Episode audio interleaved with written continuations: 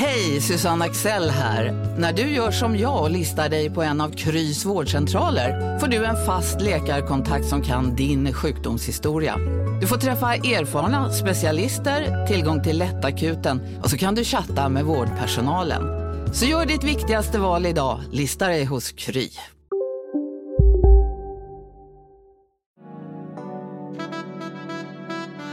Du lyssnar på en podd från Närkes Allehanda.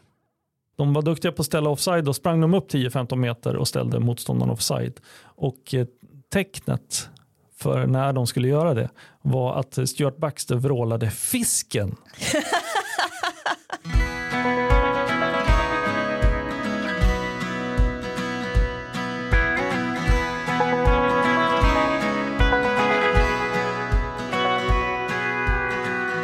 Jaha Fredrik, jag tänkte inleda det här avsnittet med att bara kolla av om du har bokat Nasir Moro som gäst. Jag har fått ett, ett hav av mejl sen Ja. förra avsnittet där folk så här, nu får du ligga på Fredrik om det där med Moro.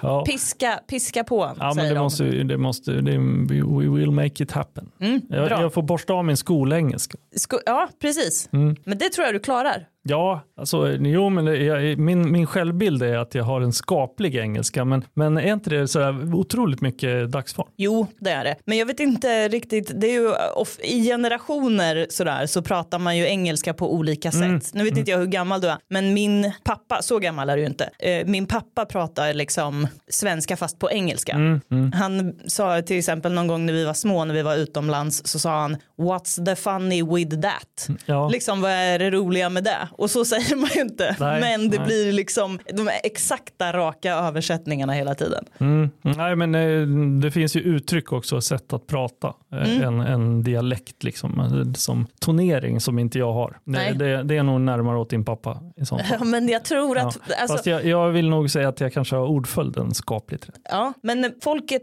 vill ha Moro i Ja. poddstudion. Ja, men det blir två intressanta dialekter. Ja, ja, ja. Hans västafrikanska. Jag tänker att det är en in- ingrediens. Ja, Liksom. ja. Mm. Jag fick just nu en mental bild av att, Nasir, att du var Nasir Moro. Vad, vad, vad häftigt det skulle vara. Han skulle sitta här. Liksom. Ja. Han är lite larger than life. ja, men han är ju det. Ja. Vi har ju pratat om det, att han, han bygger myten om, om sig själv just nu. Mm. Och jag tror att eh, ett poddavsnitt skulle vara en bra liksom, inlaga. Mm. Mm. Mm. Ja, man, man kan testa. i alla fall. Om du inte bokar honom så gör jag det. Så Ja. dyker han bara upp här. ändå. Ja. Ja, vi ska prata om den här inga Landskrona-matchen förstås. Mm. Snöpligt eller vad, hur ska man rubricera? Ja, lite sådär, eh, alltså lite, lite otäckt att tänka att ÖSK kanske inte är bättre än så här. Att, eh, Mm. att förlora borta mot Landskrona är nu det nya normala. Det är inget konstigt med det. Nej. Eh, ÖSK var inte någon favorit när man åkte ner till matchen och förlorade sen med 3-2 mot Mm. ett lag som eh, långa stunder var bättre. Ehm, Så det är väl där vi är just nu. Mm. Eh, Jag tycker också, eh, angående Moro förresten, så, Ja. så hade jag en mental bild av att eh, Moro skulle plocka ner den här Osman Diawara och eh, i bakfickan. Ja. Och, och, eh, alltså, att inte Diawara skulle komma någonstans. Jag byggde det de- dels på Moros form då, men också att jag såg den här kuppmatchen i, i våras. Och då, Mm. den såg jag på markplan om man säger. Och då var ju exakt det som hände då. Diawara var helt chanslös mot Moro på allting han försökte sig på. Så jag trodde verkligen att eh, Diawara skulle komma noll meter mot Nasir Moro. Men eh, så blev det ju inte. Eh, sen är ju försvarsspel inte en ensam sport. Nej. Eh, men eh, Moro var ju inte riktigt lika bra som han var. Han har varit tidigare. Eh, han uppträdde lite konstigt vid, vid 2-0 målet när han står och tittar på Kamil Jebara. När han slår inlägget då till, till, till just eh, Diawara. Va? Mm. Så eh, ja, men det var en eh, överraskning. Ja, Det var lite uppvaknande kanske. precis. Och Moro är ju avstängd nu i nästa match eh, för att han fick sitt eh, tredje gula där. Har, Mm. har du några vilda protester mot det här med att han skulle ha armbågat eh, vem det nu var? Ja, det såg jag faktiskt inte. Jag, det har jag bara sett live Mm. på planen. Så Mm. jag såg inte. Jag såg Melke Jonsson var väldigt upprörd Ja. och pekade på sitt blodiga ansikte. Och där Ja. var det andra matchen i rad då som, som det händer. Just att en motståndare står och pekar på sitt blodiga ansikte och undrar varför Moro inte på väg av planen. Ja, jag kan väl, eh, jag kan tycka att gult kanske det var, men just i, jag såg ju matchen på tv och just i sändningen så blev, tyckte jag att det blev en, en lite stor sak av mm. det det mm, var väl kanske inte riktigt värt det. Det var ju mycket liksom det här skådespelet och att kommentatorn liksom inte kunde sluta älta att han hade armbågat honom och alla de här grejerna. Riktigt så tyckte jag faktiskt inte att det var. Det var en ganska naturlig rörelse ändå som han mm. träffar olyckligt då kanske. Mm. Men det var ju inte det här, äh, i och för sig en av mina favoritgrejer med Markus Rosenberg, att han alltid armbågade folk och sen äh, lika så här kallt varenda gång bara, nej men det tror jag inte, det gjorde jag inte. Nej, precis.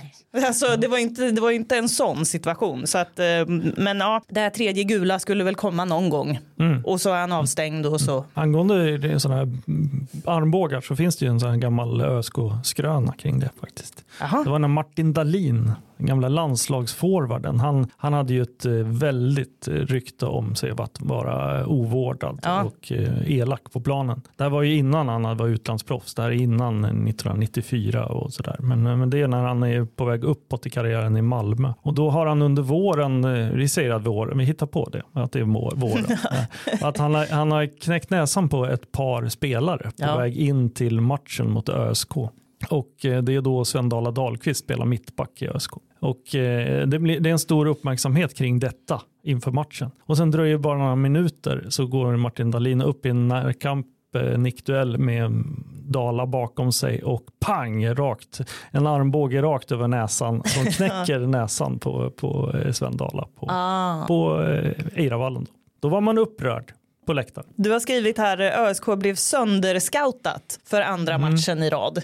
Ja, en frågetecken där kanske efter också. Eh, ja. Så, men eh, det är helt klart så att eh, Örgryte visste vad man gjorde när man eh, öppnade och seglade ut på det här havet eh, på ÖSKs centrala mittfält. Den här gången mot Landskrona, då visste Landskrona eller hade Landskrona tittat ut att, att det borde finnas en yta bakom den ganska offensiva Samuel Dahl när ÖSK kliver fram. Och, och där då blir islänningen Axel Andresson exponerad på sin sämsta sida i ofarten. Lite avslöjad skulle man nästan. Ja, ja. precis. Ehm, och ja, han är ju en specialist, Axel Andresson. Mm. Och när man då sätter in bollen bakom eh, Dahl så många gånger och eh, jag pratade med Billy Hammer precis innan här och han påpekade det var ju förmodligen ingen slump att eh, Landskrona gjorde det för man hade ju också sitt starkaste vapen där i den här Kamil Jebara då, mm. som, som, förmodligen är en spelare som är på väg till stora saker. Mycket större än att spela på Landskrona IP och exponera Axel Andresson. Ja. Så eh, han hade ju en festlig eh, första halvlek. Eh, inte lika festlig andra, andra när, eh, när ÖSK ändrade då och Jake Larsson kom ner och matchade hans fart. Samtidigt som kanske Landskrona var lite mindre intresserade att gå framåt på det sättet som de gjorde första. Så eh, det är två saker, som två matcher i rad som, eh, som ÖSK kanske då har blivit lite avslöjade på olika sätt. Mm. Eh, just att man kan slå in bollen bakom en, en wingback på det sättet. Det bygger lite på också att man har ett eh, dominans över det centrala mittfältet. Så, mm. Som då eh, Landskrona och precis som Örgryte hade mm. i första 45 minuterna. Ska man, eh, det är ändå 2023. Ska man inte ogiltig förklara någonstans eh, förklaringen att de scoutade sönder oss med tanke på verktygen som finns nu för tiden för att scouta. Alltså mm. det, det, är klart att i vissa matcher är det tydligare än andra men det är ju väldigt sällan Eh, elitlag nu för tiden kommer till match och inte vet hur det här laget brukar spela. Liksom. Nej. Nej, men det är kanske också en, en bild av att ÖSK inte har, som vi har varit inne på förut, de, de kan inte eh, anpassa spelet hur mycket som helst med den spelartrupp som de har. och jag tror att nu börjar det blir jobbigt att vissa spelare är skadade. Det är fel mm. spelare som är skadade. Det är Sebastian Krona, det är Lukas Limon som skulle kunna hjälpa till på mitten. Eh, och det är Viktor Backman som skulle kunna göra mittfältet mer dynamiskt. Eh, så, så det är fel spelare som är, är skadade för ÖSK och eh, det gör då att David Seger måste ner på banan och blir en sexa och ligger lågt och kan inte bidra i offensiven. Han har ju noll poäng för han har, han har gjort mål men noll assist. Eh, han har inga expected assist heller, David Seger, så, så han eh, har hamnat lite åt det håll som han spelade förra året nu tycker jag, liggande ganska lågt på planen. Mm. Så han skulle behöva komma upp i någon av de här tio rollerna och förstärka där och sen skulle ÖSK behöva få in någon som kan göra det jobbet han gör just nu på det defensiva mittfältet. Och det, I det här läget om då Limon kan inte spela så möjligtvis att det är en energisk Valge Valgersson som kan komma in i laget där istället för den höger wingback där han är tänkt. Snabb status då på de här skadade spelarna. Ja. Jag vill ha namn och antal veckor. Ja.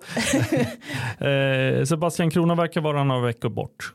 Eh, det är frågan om han spelar mer under våren. Det är ju fyra matcher kvar. Eh, han är ju, det är en lårskada. Eh, Lukas Limon, han är ju mer sådär dag för dag. Jag pratade med Ulf Nordström, eh, läkaren, och han dementerade det här att han skulle vara broskskadad i knät. Det är mm. en ganska allvarlig sak som, som ju också ringar väldigt illa för en ÖSK-supporter. Men de, de, de, som har varit med kommer ihåg Per Gavelins öde till exempel, som är en av de absolut bästa mittfältarna, spelarna ÖSK har fått fram de senaste 20 åren som vars karriär inte blev som det var tänkt just för en, för en broskskada. Eh, så där verkar det vara ganska bra. Han, han tränade ju i, i slutet av förra veckan en del. Så eh, det är nog inte omöjligt att han spelar mot Helsingborg. Eh, och eh, sen så är det Valger Valgersson som har gjort två inhopp nu och bör vara redo för att starta mot Helsingborg om det inte blir några bakslag. Och vad har vi med då? Vi har ehm, Viktor Backman som mm. också har gått in i, i fotbollsträning. Vi får se. Billy Hammer är på väg på träningen nu så vi får se vad han, eh, om han tränar. Mm. Ser du till att kolla Billys eh, checka citaten mot inspelningen bara innan vi lägger ut ja, på, innan det går i tryck. Ja, ja det är viktigt. Det, det, har vi en, helt, en taskforce som kommer hantera det. Ni har fått se citat. över era rutiner ja, på precis. sportredaktionen. Ja. Verkligen. Men du, eh, du kom tillbaka från träningen i förra veckan och hade med en skandal med dig i bakfickan. Du tog på dig monocken så här. Ja, precis. och eh, stod och stirrade på William Eskelinen och Christian Järdler i någon kvart eller vad det var. Kan ja. du berätta vad det var som hände? Ja, det var ju under träning då som, eh, som William Eskelinen, det var ju sista träningen inför Landskrona-matchen som eh, William Eskelinen hade starka åsikter som han brukar ha eh, kring sina lagkamrater. Eh, det var, jag tyckte inte det var en speciellt bra träning. Det fanns nog skäl att eh, vara kritisk det blev lite tjafs. Eh, det jag hörde var tjafs mellan honom och eh, David Seger. Eh, men jag kan inte säga exakt vem kritiken var riktad mot eller vad det var. Men efteråt, så, eller under träningen så bröt Christian Järler övningen och jag hörde att det snackades om det. I, sen hör man ju, man hör ju bara fragment när de ja. står ute på planen, men man hör lite grann och det hördes, det lät som att det, det togs upp. Sen direkt efteråt så gick Järdler fram, tog Eskelinen åt sidan och skulle prata med honom då och eh, det hände ju.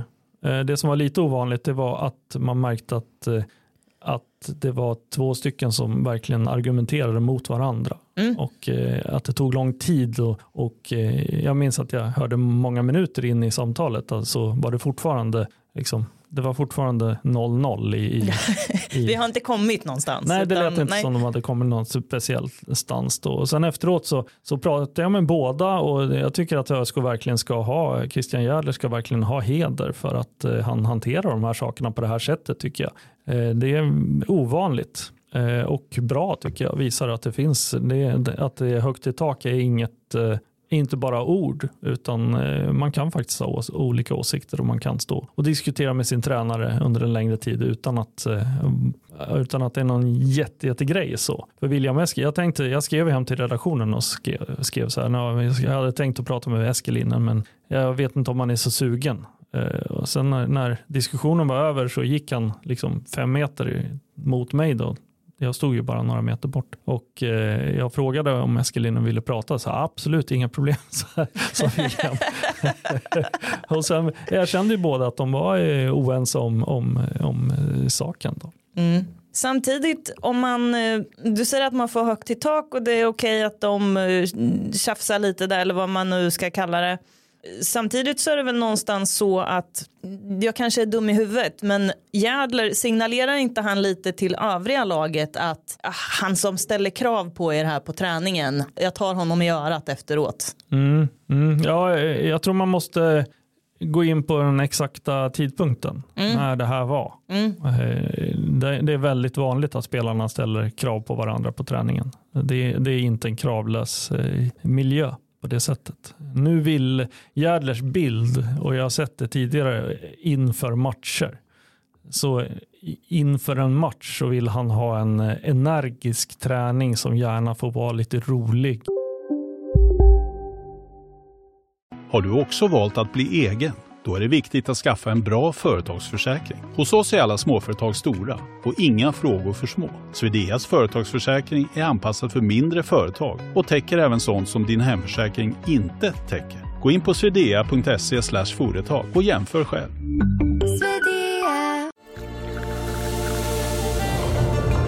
Välkommen till Maccafé på utvalda McDonalds restauranger med Baristakaffe till rimligt pris. Vad sägs om en latte eller cappuccino för bara 35 kronor? Alltid gjorda av våra utbildade baristor.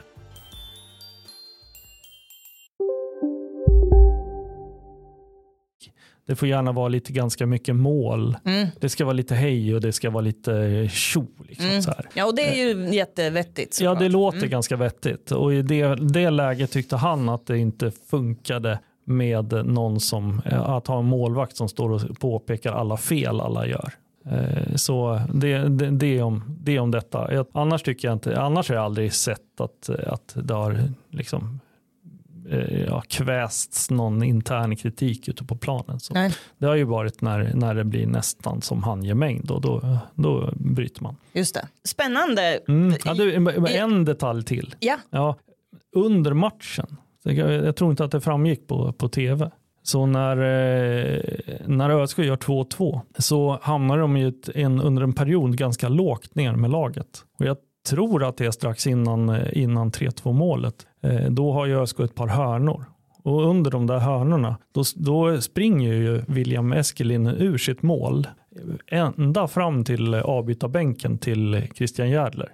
Och där hör man väldigt tydligt att han, att han säger till Christian att eh, vi ligger alldeles för lågt. Och då frågar någon Järdler, vad, vad säger du? Vi ligger alldeles, alldeles för lågt, säger Eskelinen. Eh, och det tyckte jag också i och för sig att man, att man gjorde.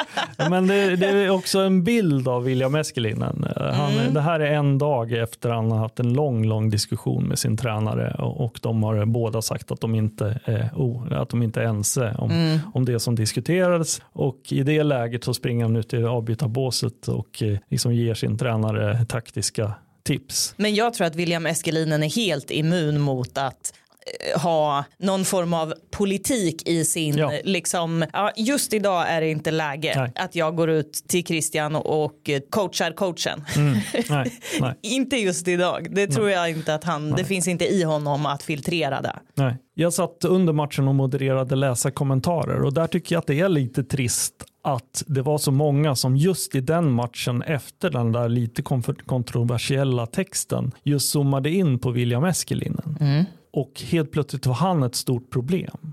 Och det, ty- det tycker jag är en, eh, det är en miljö som, som jag inte tror bär någon vidare längre stans. Liksom. Det tror inte jag heller och hade William Eskelinen gjort sitt livs eh, match då hade man reagerat på ett helt annat sätt och sagt att ah, där ser ni vinnarskallen, där ser, liksom så. Och, så att det betyder ju inte så mycket Nej. Egentligen. Nej. Vi ska gå vidare här och den här punkten förstår jag inte i körschemat. ÖSK 2023 jämfört med 2022. Är det så att du kommer med ett gräv här? Ja. Är det den ribban jag ska sätta nu i? Tänk, tänk dig det här eh, leksaksspaden. Och, eh, och, eh, och det, det, är, Ja, ja. det. Det, det är ett gräv som är i en sån här lek sandlåda som man ställer på Ja. med plast under. Men det är man också man gräv. kommer inte så lågt, Ja, långt ner. Okej. Nej. Nej, men det jag har tittat är, är på hur ÖSK jämför. Mm. Efter åtta omgångar, hur jämför ÖSK mot krissäsongen, den mörka, oerhört tunga 2022. Ja. Hur tror du? Det är känslan. Efter åtta omgångar. Men herregud. Ja, det beror på hur, eh, hur, det beror på hur djupt grävet är. Ja. Poängmässigt kan vi säga. Poängmässigt. Så Och skulle... avstånd uppåt och neråt. Ja, men herregud, lägg inte det här på mig nu Fredrik. Nej. Redovisa istället vad du har kommit fram till. Ja, men det man kommer fram till är att 2022 så här långt var mycket, mycket bättre än 2023. Mycket bättre.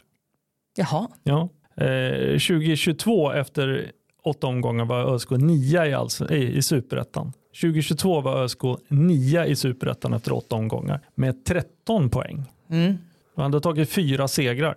Eh, I år då så är laget 11, kan bli 12 ikväll. Mm. Eh, efter åtta omgångar med nio poäng, alltså fyra poäng mindre. Och sen tittar man på uppåt och neråt så, så hade man då 2022 hade man eh, två poäng upp till allsvensk kval. Mm. Väldigt lite. Mm. Och man hade sex poäng ner till negativt kval. Mm. Nu har man eh, då eh, sju poäng upp till allsvensk kval, ganska mycket. Mycket medel, väldigt mycket. Ja, och noll poäng ner till negativt kval. Man har ju samma poäng som Mm. lagen under negativa kvalstrecket. Så, eh, De är några stycken på nio poäng va? Ja, exakt. Tre, fyra. Ja, Tre tror jag. Mm. Det, det kan bli två idag om, Mm. om AFC vinner. just det. Det här är ju chockerande. Ja, det är väl eh, absolut inte den bilden man får. Eh, Sen, sen om man drar tillbaka ett år tillbaka så, är, så pratar vi om Vincent Till-tid. Det var när Vincent Till avgjorde några eh, uddamålsvinster mot AFC Östersund, va, tror jag. Så eh, det var eh, en, en ganska positiv tid. Det var, det var ju fortfarande faktiskt så att då trodde man ju, ja, givetvis sett till tabellen, så, så såg det ut som att ÖSK var på väg kanske att lyfta under då Axel Kjell i början. Och sen, fortsatt, sen gick det ju dåligt då. Eh, Man, eh, man, man, jag tror man vann fyra matcher, fem matcher under resten av säsongen på, Mm. på 21 försök. Eh, och 9, 10, 11 de närmsta omgångarna så förlorade man tre raka. Så det är, då, kan man ju titta då på ÖSK har fyra omgångar kvar till eh, sommaruppehållet. Mm. Och det är då Helsingborg hemma, Utsikten borta, serieledande Utsikt. Oj, oj, oj. Gävle hemma och Gais borta. Och för att nå upp till 2022 nivå efter eh, 12 omgångar, då krävs det 7 poäng. Det låter ju som att om, om man sitter som ösk och känner att det är ändå något på gång här nu. Mm. Det är ändå bättre än förra året. Då, Mm. då ska man sluta med det. Ja, det, så är det nog. Ja. ÖSK måste nog passa sin rygg just nu. Så att man inte dras in i någonting som är värre än det det det är. Mm. Just nu så handlar det nog om att lyfta från bottenträsket. Jag skrev mittenträsket men det är ju faktiskt närmare ett bottenträsk. Är, man har ju fem poäng till, eh, ner till Helsingborg. Mm. Så även om man förlorar då eh, på söndag mot Helsingborg så är det ändå två matcher. Två Mm. eh, poängs marginal. Mm. Mm, och det är viktigt att hålla den där bufferten neråt. Buffert neråt är ju, den är ju minimal eftersom det handlar om målskillnad till negativt kval. Men, Ja, precis. Det, går, det är ju egentligen inte en buffert. Det Nej. kanske är buffert till att vara allra sämst. Men det, precis. Ja. Ja. det är ju oerhört viktigt att ÖSK tar lite poäng nu innan sommaren så att Mm. man får lite lugn och ro och kan jobba där. Och ska vi säga, ska vi gissa, Helsingborg, vad tror du? Oj, oj, oj, oj, oj. Eh, tre poäng. Tre poäng tror jag. Ja. Ja, ja men vi säger det. Det, Ja. det vore ju uselt jobbigt om de inte tar tre poäng mot Ja. Helsingborg. Eh, utsikten då? Noll poäng. Ett poäng tycker jag. Ja, okej. Eh, Gävle hemma. Skräckmatch för ÖSK. det, det här är en skräckmatch. Ja, men jag säger, jag säger 3-0-1 på de här matcherna säger jag. 3-0-1, Ja. okej. Ja. men då säger jag väl ändå tre poäng med den. Så du är Ja, uppe, i, bestämt. du är uppe i Ja, ja, sju poäng nu på de här tre matcherna? Ja, precis. Ja. Okej, Sen är det slut. Guys förlorar de borta. okej. Mm. Men och vart hamnar vi då i, höll jag på att Ja, säga. är- det går inte att säga. det går inte nej, att säga. Precis. Men eh, 12 poäng, det är, just nu har ju det är ju mera poäng på bottenlagen, eller kvallagen i alla fall Mm. i år än, än tidigare. Så 12 poäng efter, efter eh, 16 poäng är det ju.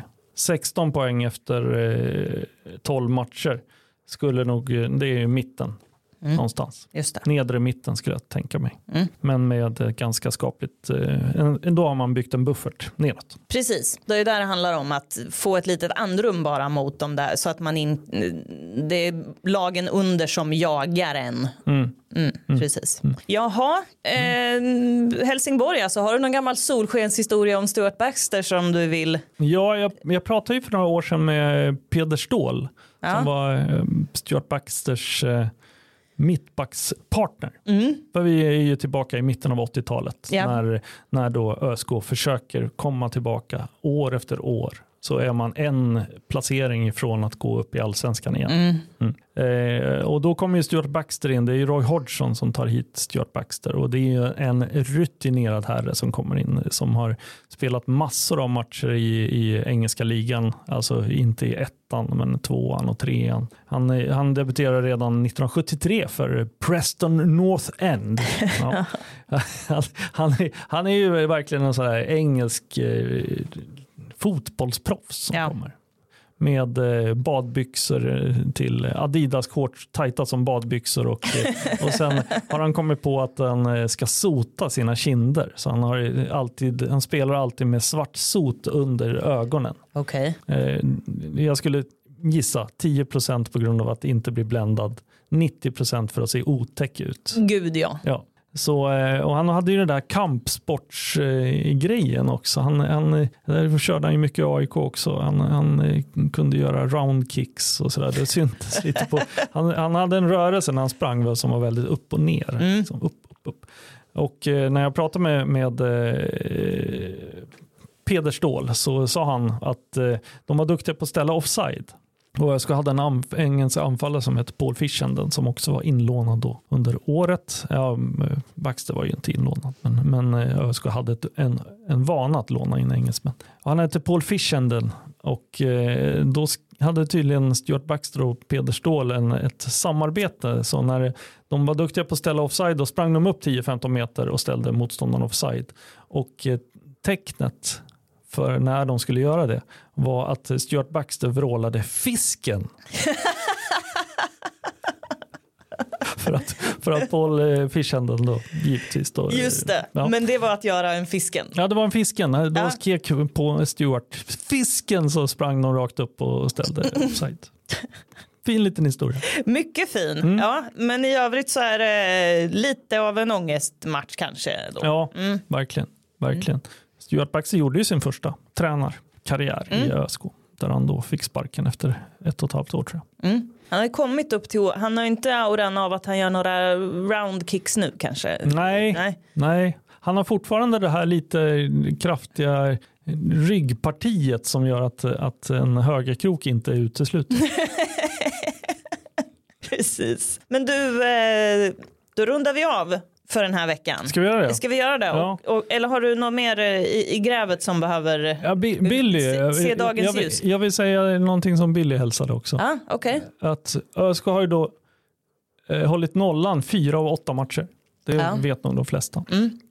Men vet du hur många matcher de har vunnit? Jag ställer, dig, jag ställer frågor till dig hela tiden. Här. Men jag kan svara på det själv. Så det blir en, blir en sån här, Förstod inte ens frågan. Hur många de har vunnit? av de fyra matcherna de har hållit nollan, hur många gånger har de vunnit? Aha. Intressant. En, säger jag då. Ja. Mm. En är svaret. Alltså det, det säger ju någonting kanske om kritiken mot eh, William Eskelinen också. Mm. Det, det är inte riktigt där ÖSK har ett problem. ÖSK har hållit nollan fyra gånger. Hälften av matcherna har man, har man gått ifrån matchen Mm. utan att släppa in mål. Men man har inte lyckats vinna de matcherna.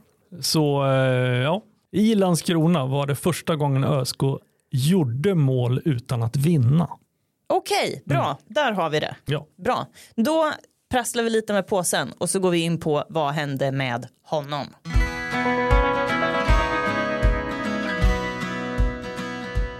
Och nu orkar jag inte med att vi ska hålla på. eh, Du, vi drar ett namn ur en påse. En gammal ÖSK-spelare. Och sen pratar vi om den. Det var den här punkten är. Det var det. Och det är en succé. Är det det? Ja, Eller ja, är ja. det bara som du säger? Ja, men det är ett sjuk succé alltså. Jaha. Ja. Ja, vi får se. David här. Är ett geni som har hittat på det här. Ja, du har ju pratat Nu om... himlas det med ögonen. Japp. Du, du har ju pratat om vilken eh, fläckfri rad. Ja, ja, det har varit bara succénamn. Ja. Bara succénamn. Får vi se vad du tycker om det här då. Ja. Gustav Lejon. Gustav Lejon. Mm. Okej, ja, det det kan jag inte säga var ett, ett succénamn.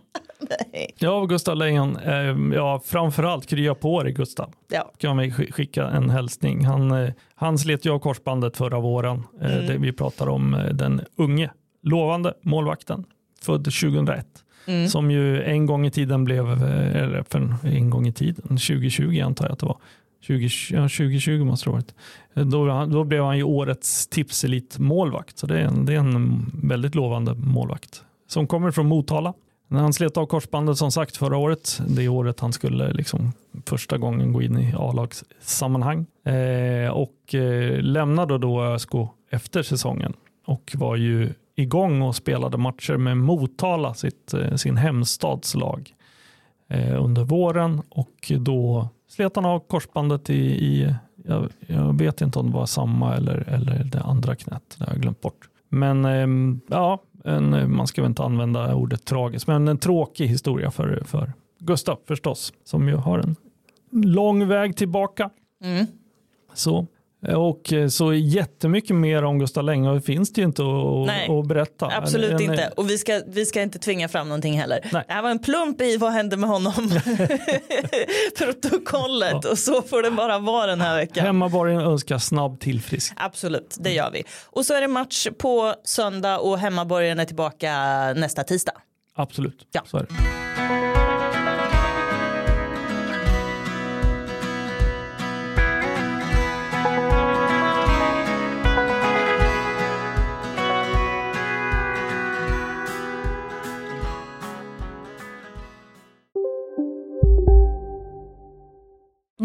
Av Max Selection El Maco med Premium Beef. Vår saftiga och lyxiga burgare av 100% svenskt nötkött och 100% fantastisk smak.